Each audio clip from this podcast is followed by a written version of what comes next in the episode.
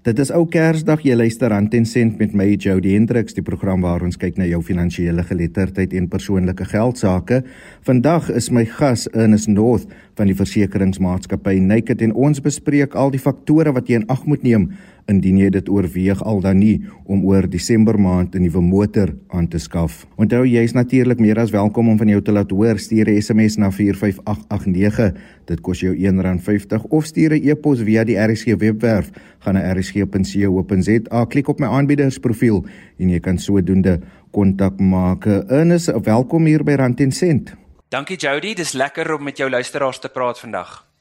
En is nou kom ons begin die N1 en die program deur te vra, is Desember noodwendig 'n goeie tyd om 'n motor te koop?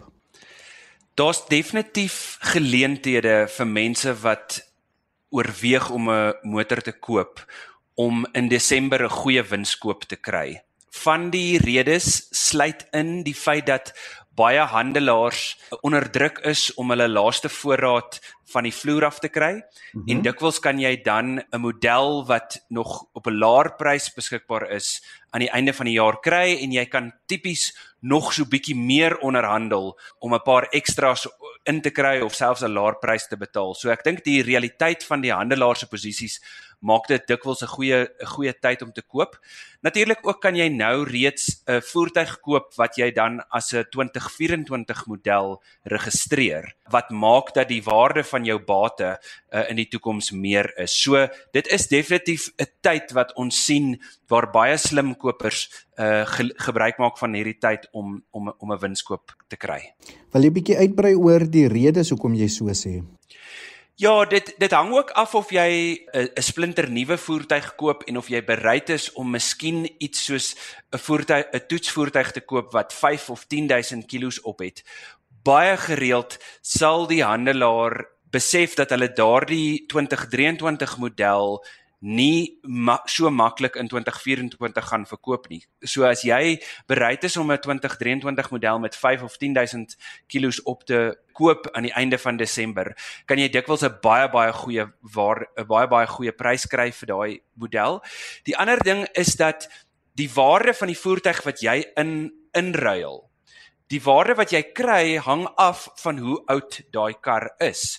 En as jy dit nog in 2023 doen, is daar dikwels 'n 'n laaste bietjie ekstra waarde wat jy kan kry wat sal weg wees of of daai waarde sal laer wees as jy daai selfde voertuig letterlik 'n week of 2 later in 2024 probeer inruil. So ek dink om daai onderhandelingsposisie uh, in ag te neem en dan dit te probeer gebruik in jou guns om in 2023 reeds daai voertuig te koop is iets wat ons sien verbasend baie mense reg kry wanneer hulle in Desember 20 in Desember in Desember 'n voertuig koop.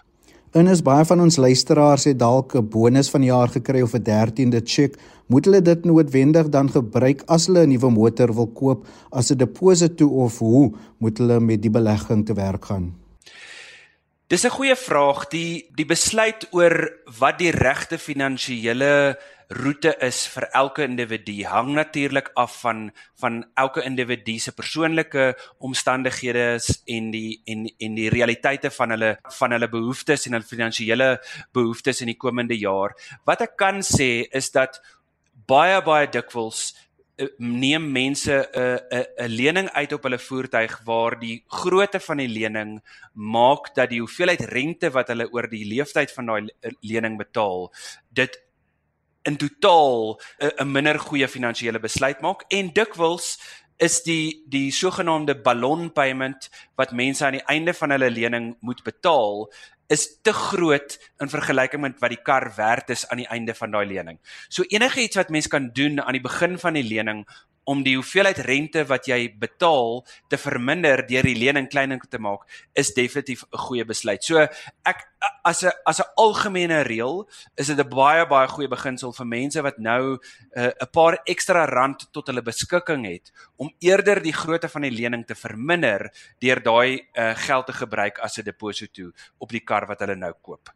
Jy luister aan ten sent met my Jody Hendriks. My gas is Ernest North. Hy is van die versekeringsmaatskappy Naked en ons praat oor of Desember noodwendig 'n goeie tyd is om 'n motor te koop, 'n nuwe motor, 'n tweedehandse motor, selfs 'n demo model en alles wat jy daarmee rondom moet in ag neem. Nou Ernest, daar's ook die wat sê dat Desember is nie 'n goeie tyd om 'n motor te koop nie.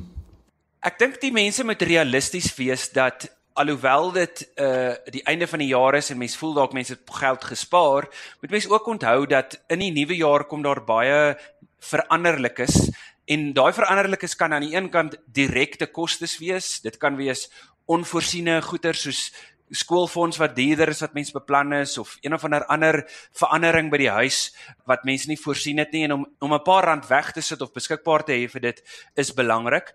Maar die ander ding natuurlik is dat die aard van die vervoer wat mens nodig het verander so dikwels in 'n nuwe jaar soos wat jou behoeftes verander. Byvoorbeeld jou werkgewer kan dalk op die oomblik vir jou die opsie gee om slegs 2 of 3 dae in die kantoor te wees.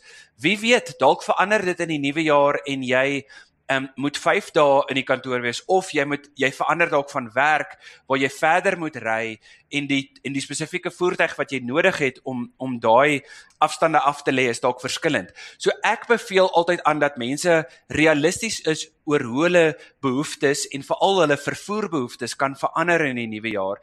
En miskien is dit die moeite werd om te wag tot in die nuwe jaar en net te sien hoe daai dinge uitspeel en dalk maak jy 'n beter besluit oor watter kar is reg vir jou om te koop in die nuwe jaar. En is nou kom ons veronderstel die luisteraar het besluit om nou in Desember maand 'n nuwe motor aan te skaf. Wat is die finansiële um, situasie wat verband hou met 'n moontlike terugbetalings van die motor en ander aspekte rondom uh, die terugbetalings en finansiële aspekte om 'n motor te koop? Net so. En en ek dink mense moet ook realisties wees dat aan die een kant kan dit ekstra uitgawes wees wat jy nie ehm um, voorsien het nie. Dit kan wees dat jou bron van inkomste of die familie se bron van inkomste waar daar twee salarisse is, uh kan moontlik verander. Mens moet versigtig wees vir die realiteit van van die kostes van 'n kar. Die direkte ene is natuurlik soos rentekoerse verander. Daar's allerlei voorspellings, maar wie weet wat kan met rentekoerse gebeur? Uh en 'n mens moet altyd dink oor die moontlikheid dat rentekoerse met 2 of 3 of selfs 4% opgaan. Jy moet in jou begroting voorsiening maak daarvoor dat die rentekoers miskien opgaan. En en en ander kostes daarvan om die kar te besit. Die prys van petrol, net ander onderhoudskoste soos as iets breek ensovoorts en dan natuurlik versekerings. Jy weet nie wat daai kostes gaan doen in die nuwe jaar nie. So as jy nie 'n mate van sekerheid het oor die buffer wat jy het om daai kar te kan bekostig nie, dan is dit miskien nie moeite werd om te wag uh, tot in die nuwe jaar en daai onsekerheid uit te sluit. Elke individuele persoon sal weet of jy nou daai geleentheid om 'n slim koop te doen moet moet gryp en of jy miskien moet 'n bietjie die onsekerheid wat in die nuwe jaar hopelik gaan duidelik word in ag moet neem en dalk bietjie die koop op ys moet sit. En is hoe belangrik is dit om navorsing te doen byvoorbeeld oor iets soos die eienaarskap van die motor wat jy aanskaf?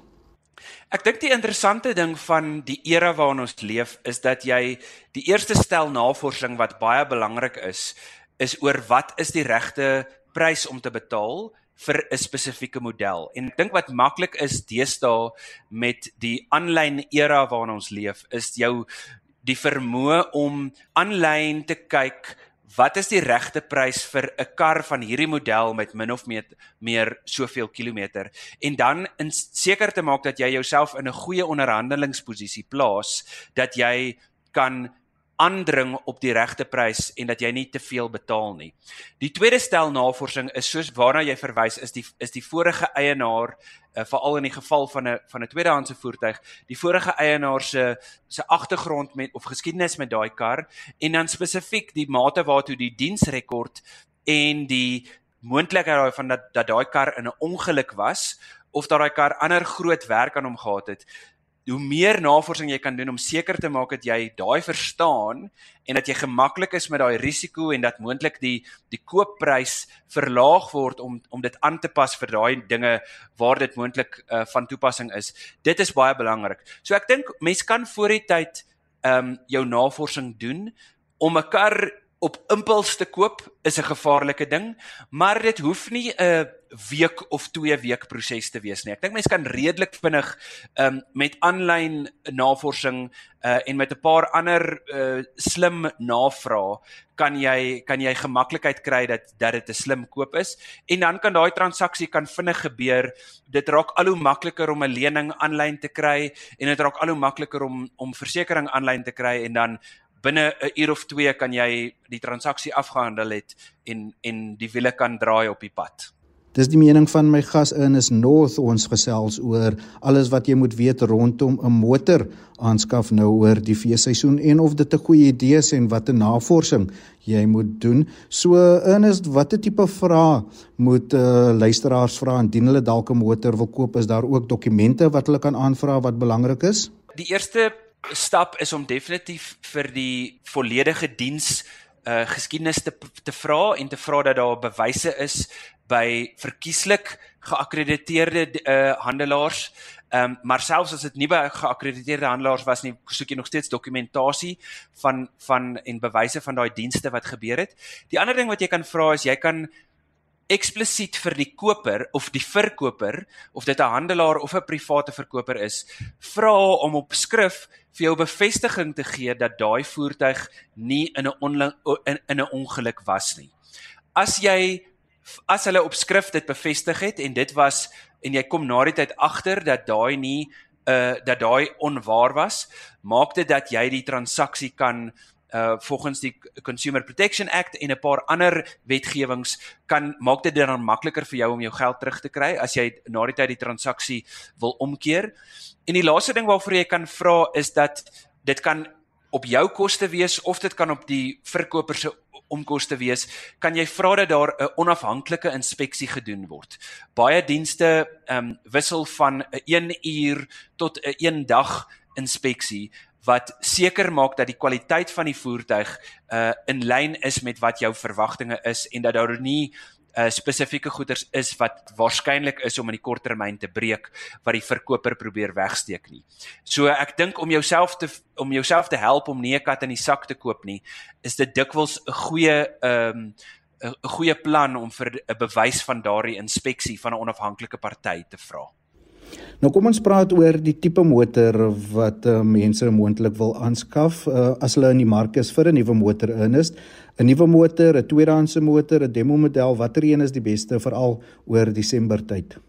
Daardie vraag oor hoe baie waarde sit mense op daai nuwe reuk van 'n van 'n kar se vars leer wat jy die eerste persoon is om op dit te sit is ene wat baie baie gedebatteer word. Ehm um, ek verstaan dat daar mense is wat emosioneel is oor dit en en en en voel dat hulle dat hulle 'n nuwe kar wil koop. Ehm um, die realiteit daarvan om om te verstaan hoeveel waarde jy verloor uh in daai eerste 6 maande om met 'n nuwe kar is iets wat mens baie baie eksplisiet moet verstaan en mens moet jou somme doen en gemaklik wees daarmee dat jy as jy 'n nuwe kar koop ja, dit kom met die met die, dit kom met daai gerieflikheidsfaktor. Dit kom met 'n mate van sekerheid dat jy ehm um, minder uh blootgestel is aan aan aan onkoste van 'n kar wat breek ensovoorts, maar dit kom met 'n met 'n finansiële koste en jy moet gemaklik wees dat jy weet min of meer hoeveel daai ekstra waarde is wat jy um verloor in die eerste 6 of 12 maande omdat jy 'n splinter nuwe kar ry. Maar natuurlik geld die teenoorgestelde argument ook. As jy 'n kar koop wat 2, 3, 4 of meer jaar oud is, dan is daar 'n 'n verhoogde kans dat dat die kar op 'n stadium selfs al was die koper selfs al het die verkoper niks probeer wegsteek nie daar is 'n hoër kans dat iets breek en dat jy ongerieflike proses moet deurgaan van om iets reg te maak. So elke persoon moet besluit wat is wat is daai ongemaklikheid of daai onsekerheid vir jou werd.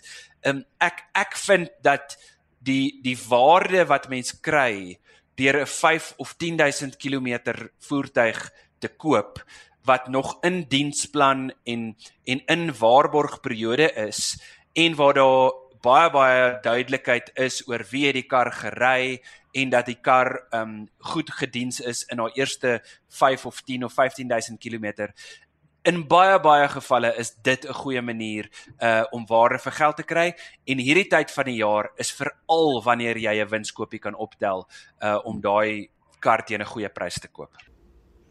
En is kom ons staan stil by die tipe motor en uh, natuurlik as jy 'n gesin het is 'n sportmotor dalk nie 'n goeie idee nie, maar wat van moontlik 'n gesinsmotor, 'n mamma motor? Wat is die tipe opsies wat uh, verbruikers of mense wat in die mark is vir 'n motor moet oorweeg? Ja, dis interessant. Ons het twee twee baie interessante uh, tendense wat ons oor die laaste jaar of twee sien. Is nommer 1 die feit dat meer en meer mense wil uit 'n uh, uit die uit omdat hulle die oor die koste van petrol dink, maar ook omdat hulle oor die planeet dink, is daar meer en meer mense wat miskien 'n volle elektriese kar kry, maar ten minste 'n hybrid kar.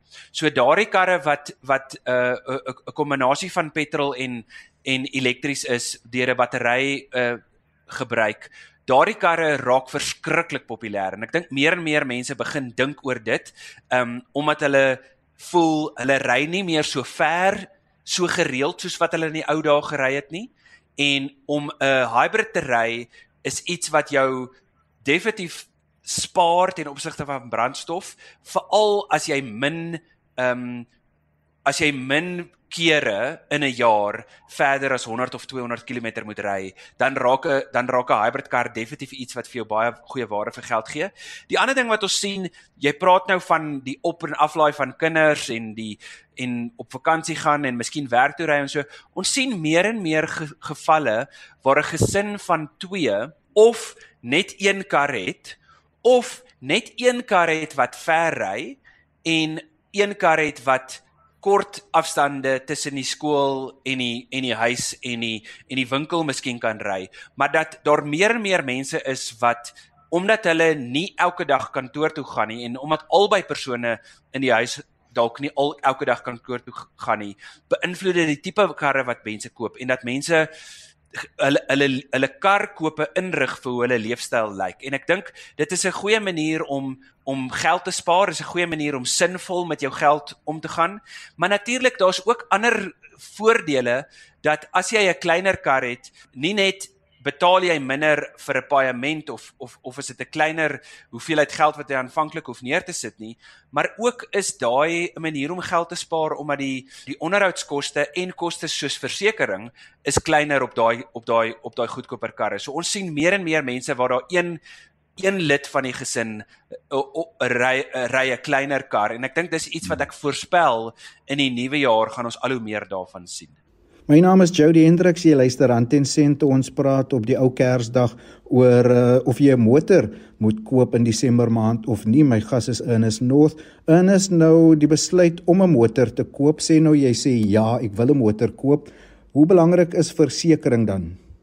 Jo, natuurlik is dit iets waaroor ek baie sterk voel want ek sien elke dag die effek op mense se lewens uh waar hulle sonder versekerings ry en waar die risiko aan die een kant wat mense dink dalk is o ek is net die enigste risiko is dat my kar gesteel word of dat my kar skade kry en ek het hom nie verseker nie so nou gaan dit vir my 'n finansiële koste wees. Ja, dit is een risiko en alreeds dink ek nie ek dink daai risiko is te groot vir mense om sonder versekerings te ry.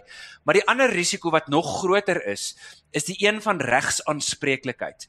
En wat dit beteken is dat wanneer jy in 'n ongeluk betrokke is en jy was net tot 'n mate verantwoordelik. Al was jy nie alleenlik verantwoordelik nie. As jy tot 'n mate verantwoordelik was, kan die ander party of die ander party se versekeraar jou aanspreeklik hou en volgens wet kan hulle daai kostes van jou verhaal. So as jy in 'n ongeluk betrokke is met 'n 3 of 'n 4 miljoen rand se Range Rover of ander duur kar, kan jy letterlik regslik regtelik aanspreeklik wees vir die koste van daai om daai kar te vervang of te of, of te herstel. En as daai kar verseker is, gaan gaan gaan daai versekeraar eh, doodseker maak dat hulle daai kostes by jou persoonlik kom verhaal as jy nie versekerings het nie. En ek dink dit is 'n risiko wat ek glad nie kan dink enige mens kan bekostig om daai risiko te neem nie. En dit is hoekom ten minste moet jy vir jouself derde party versekerings ehm um, aanspreeklikheidsversekering hê. En dit kos baie min dit kos tipies 50 of 100 rand wat jy net jouself beskerm teen die risiko dat 'n derde party jou aanspreeklik hou.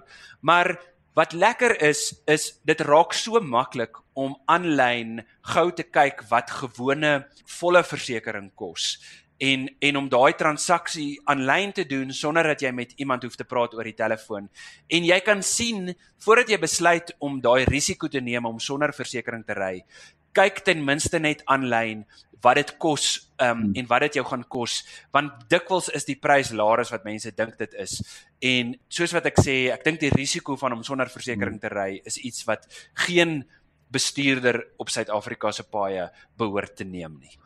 En is dan laastens jou advies aan luisteraars wat nog onseker is of hulle 'n motor wil aanskaf wat dalk 'n bietjie ekstra geld het, wat moet hulle oorweeg? Die raad wat ek vir mense wil gee is om daai klein bietjie ekstra tyd te vat om om die finansiële beplanning te doen daarvan om nie net te dink wat kos 'n kar se paaiement my nie maar ook hoeveel moet ek begroot vir vir onderhoudskoste hoeveel moet ek begroot vir petrol vir vir bande en daai tipe ding want dit is dit gebeur maklik dat mense 'n kar koop wat waar jy voel jy kan die paaiement bekostig, maar on, as jy na die totale prentjie kyk, is jy dalk besig om na die verkeerde kar te kyk en ek dink vir mense om oor versekerings en die koste van bande en ander items te dink is belangrik. En dit was dan Ernest North, mede-stigter van die versekeringsmaatskappy Naked. Hy was my gas vandag hier op Rand en Sent en ons het gepraat of dit 'n goeie idee is al dan nie om oor Desember maand vir jou 'n nuwe motor aan te skaf ook die tipe navorsing en vrae wat jy moet vra indien jy dit wel wil doen. Onthou jy kan weer na die program op ons potgooi fasiliteit by rsg.co.za gaan luister, maar jy kan ook vir my kontak via alle sosiale media platforms. Ek is op Facebook, Instagram, Threads, X wat uh, die ou Twitter is en natuurlik ook 'n uh, TikTok. Gaan tik net my naam in Jody Hendriks en jy kan sodoende kontak maak maar van my tot 'n volgende keer geniet jou Kersfees mooi bly en totsiens